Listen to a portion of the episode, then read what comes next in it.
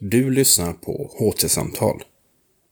Häxkonst och svart magi var högst påtagliga fenomen för folk under 1500 och 1600-talet. Men hur såg det ut i dåtidens dramatik? Eric Pudney har tittat närmare på det engelska dramats framställning av häxor. På Bokmässan i Göteborg 2019 pratade han med Anna-Klara Törnqvist. Välkomna till eh, den här programpunkten som jag såg, jag visste faktiskt inte om det heter häxor på scen och det är ju inte du och jag. Vi ska snart förklara varför det står så. Eh, men jag står här med Eric Pudney, välkommen. Tack så mycket. Eh, och du är forskare i engelsk litteraturvetenskap kan man Precis, säga. Precis, ja. ja. Och det här är din bok som vi ska prata om idag. Jag tänker att du ska säga, för du har ju engelska som modersmål. Ja. Ska du säga titeln så det blir snyggt? Okej, okay, absolut. Ja. Ja, vad heter den nu? uh, Skepticism and Belief in English Witchcraft Drama 1538-1681. Oh, thank you. det var bra. Det var mycket bättre än jag hade sagt det på min värmlandsk engelska. Sådär. Um, och då blir man ju jättefascinerad. Min första fråga som jag ställer mig då, hur blir man intresserad av häxor? Eh, ja, det, det, var något av en, av en överraskning för mig också. För jag, jag tänkte när jag började plugga eh, engelsk litteraturvetenskap att jag skulle skriva om samtida romaner. Um, men sen gick jag en kurs eh, på Köpenhamns universitet om eh, Early Modern English Literature. Och eh, jag bara blev helt besatt av både litteraturen men även perioden. Och renässansen är ju en väldigt spännande tid. Det är så mycket händer och eh, det finns så många nya utvecklingar i vetenskap och konst och litteraturen. Eh, och med den tanken så är det lite konstigt att det är då häxprocesserna händer. För det, det känns som någonting inte riktigt går ihop där. Det är så, så grymt och eh, ja, känns mer medeltid än, än renässans. Um, så det, ja, det var det som uh, retade min nyfikenhet. Just det, för det är ju en viktig del i din forskning här att du mm. både är i litteraturen och i samhället utanför så att säga och tittar på det Absolut, ja. ja. Och det, det kan vara lite svårt att skilja mellan fakta och uh, litteraturen i det här fallet. För häxtron, ja, det var ju inte sant. Och mycket som står i eh, så kallade faktatexter om häxor är ju hämtad ur litteraturen. Eh, man använder till exempel Circe från Homeros Odysseen som ett exempel av en häxa. Alltså man pratar om henne som om hon var en historisk person. Eh, så gränsen mellan verkligheten och litteraturen är lite, lite suddig. Och så förstår jag att det var, för det du har tittat på är ju drama, alltså uppsättningar på scen. Ja. Och då frågade jag dig om åskådarna, vad de trodde. Alltså de som tittade på uppsättningarna. Ja, absolut. Vad trodde de? Var det här en gestaltning av verkligheten eller var det någon form av fantastik? Eller? Ja, det är det som är den intressanta frågan. För, för det kunde vara både och. Och eh, vissa pjäser som har häxor in från perioden de är uppenbarligen ganska fantastiska och, och man ska inte ta, ta häxan för mycket på allvar. Men det finns andra pjäser som är som en slags uh, nyhetsreportage uh, som baseras på fakta, på, på um, fall som verkligen hände och som blev då en rättsprocess. Så det är nästan som ett, uh, ett sätt att förmedla nyheterna. Framförallt till en stor del av åskådarna som kunde förmodligen inte läsa om det. Det är ju en viktig faktor också faktiskt mm. att tänka på. Eh, och då tänker jag, det leder oss in på det som är först i din rubrik, alltså skep skepsis, får vi kanske säga på svenska? Ja, jag tror det. Det är min skepsis. uppfattning. Ja. Skepsis. Eh, och, och tro. Ja. Skepticism and belief. Mm. Vad är det för motpoler? För det är någon spänning däremellan. Eh, ja, alla som har skrivit om det här ämnet de har tagit någon slags uh, position gentemot vad effekten av pjäserna blir på åskådarna. Uh, är det en pjäs som uh, stödjer häxtron eller som uh, ifrågasätter den? Och de flesta som har skrivit om, om de här pjäserna utgår ifrån att om det finns en skeptisk röst i pjäsen så har pjäsen förmodligen en tendens att ifrågasätta.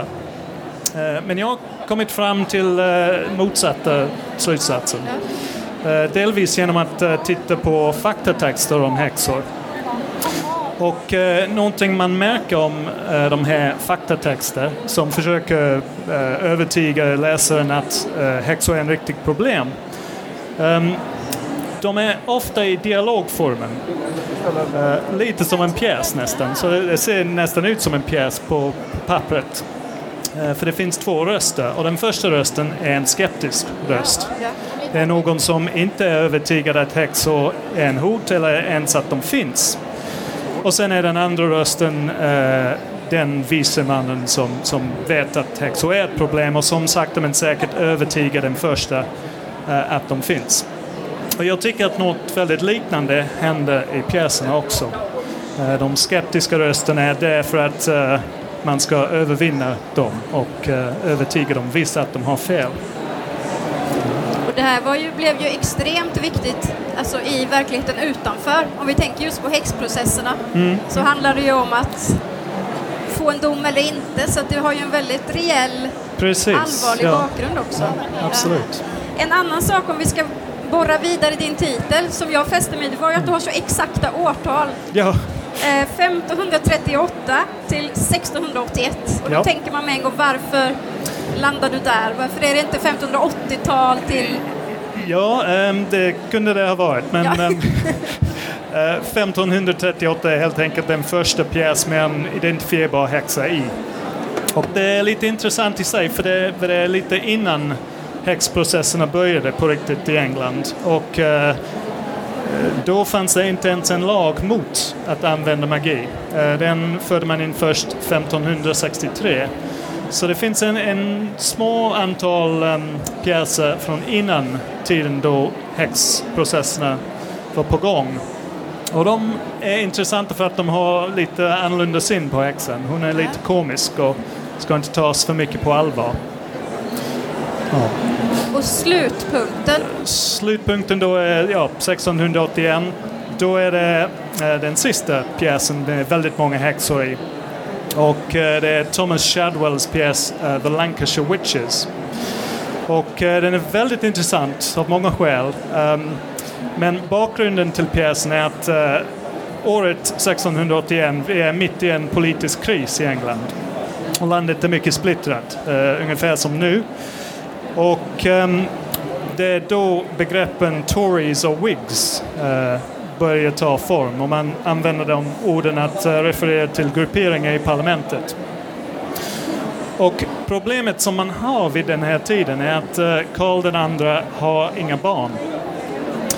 Eller han egentligen har många barn men inte med sin fru. Ja. Så de kan inte ta över tro, tronen.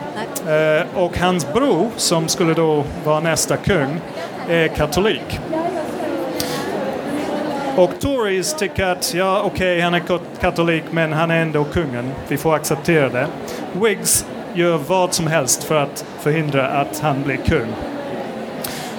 Och de försöker att förhindra det här genom att eh, eh starta vad historikerna har kallat för en häxjakt. Ja. De påstår att det finns en stor utbredd konspiration bland katolikerna i England för att döda kungen och återinföra den katolska kyrkan. Och det är den här tidpunkten att Thomas Shadwell skriver sin pjäs om häxor. Och Shadwell är väldigt mycket Whig.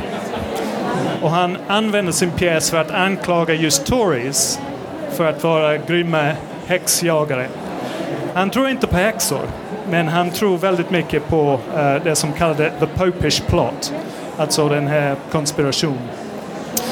Eh, så det är väldigt intressant att han, eh, han anklagar Tories för att vara häxjagare när det är egentligen exakt det som Whigs gör. Men så man kan säga att det här var nästan någon form av politiskt drama egentligen. Absolut, ja. för det är absolut. lätt att tänka på, jag tänker det för, för en lekman som inte har forskat Mm. i detta som du, så tänker man kanske på eh, Macbeth eller eh, du skriver också om en Ja. Mm. midsommarnattsdröm där det ju är älvor istället men där det är magi. Det är ju nog mycket lätt, alltså, lättare stoff, eller är det liksom en... Vad är skillnaden där, tänker jag? Ja, ehm, men även Macbeth har en, en tydlig politisk dimension. Ehm, Den skrevs i all sannolikhet för kungen. Och kungen hade råkat ut för, för häxor också. Eh, Jakob den första. Ehm, eh, och hade också skrivit en bok om häxor. Ehm, Han hade till och med startat en stor häxjakt i Skottland där han var också kung. Och eh, Macbeth är definitivt ett sätt att smickra kungen. Och eh, Macbeth är ju en rebell. Han, han rebellerar emot eh, kungens auktoritet. Och det är inte konstigt att han vänder sig till häxor då. Häxor är ett eh, väldigt kraftig symbol av ett revolt mot alla samhällets normer och värderingar. Så det finns alltid den där politiska dimensionen. Hur, hur är bilden av en Hur ser en häxa ut i de här dramerna? Eller hur beskrivs häxorna? Är det, Ja, Har de samma drag eller finns det olika? de är oftast äldre kvinnor eh, och de är fula att titta på. Eh, De eh, muttrar, de, är, de bråkar med sina grannar, de har inga, inga vänner. De är oftast ehm, väldigt fattiga Ja. och eh, ensamma. Det är bilden i alla fall. Det är inte säkert att det var alltid så i verkligheten men, Men det är en det- stereotyp som, som Men då är det ner. kombinerat med ändå makt. För det där låter ju som någon som står utanför väldigt mycket. Ja, och det, det är det som är... Ja, Det är det som är... det, det är det som gör det svårt att tro Ja. att eh, en sån person kan ha så pass mycket makt. Just det. Eh, men på samma gång så är det ett så spännande tanke att, att det blir på något, något sätt lättare att tro det. För det är där som djävulen kommer in också. Precis, ja. Han är, han är Ja. liksom viktig i Och hela... om man ska ha en trovärdig bild av en häxa eh, så måste djävulen vara inblandad. Ja. Annars är det inte helt korrekt eh, enligt eh, teologerna. Nej. Eh, Så det är, det är djävulen som gör all skada. Häxan är bara hans eh, tjänare Ja, egentligen. Just det. Så hon har... Hon, hen har egentligen ingen egen makt kan man säga. Nej, nej, så man kan vara lite skeptisk Ja. mot häxor men sam, samtidigt tro på dem Ja. eh, i den, på det viset. Vi, vi pratade också om, vi har ju förberett oss lite du och jag. jag sa att kvin, du sa att kvinnan alltid, eller häxan alltid var en kvinna. Men det fanns också manliga... Ja, det gjorde det. Ja. Ja. Inte så många i England faktiskt. I England är det ungefär ett av tio häxor som var män. Men i vissa delar av Europa var det en majoritet. Ehm, och eh, ja, det väl kanske en av fyra i Europa som helhet. Skiljer de sig åt? Alltså är de också ensamma och fula och... Männen, Ja. ja, det, är, det är väldigt svårt att säga för det, de tillhör inte riktigt stereotypen, i alla fall Nej. inte i England. Så man, man diskuterar inte riktigt manliga häxor. Men vi, vi vet att de fanns för det finns eh, eh, dokument från rättegången Ja. då man ser att de, de har varit anklagat. Så de måste ha funnits.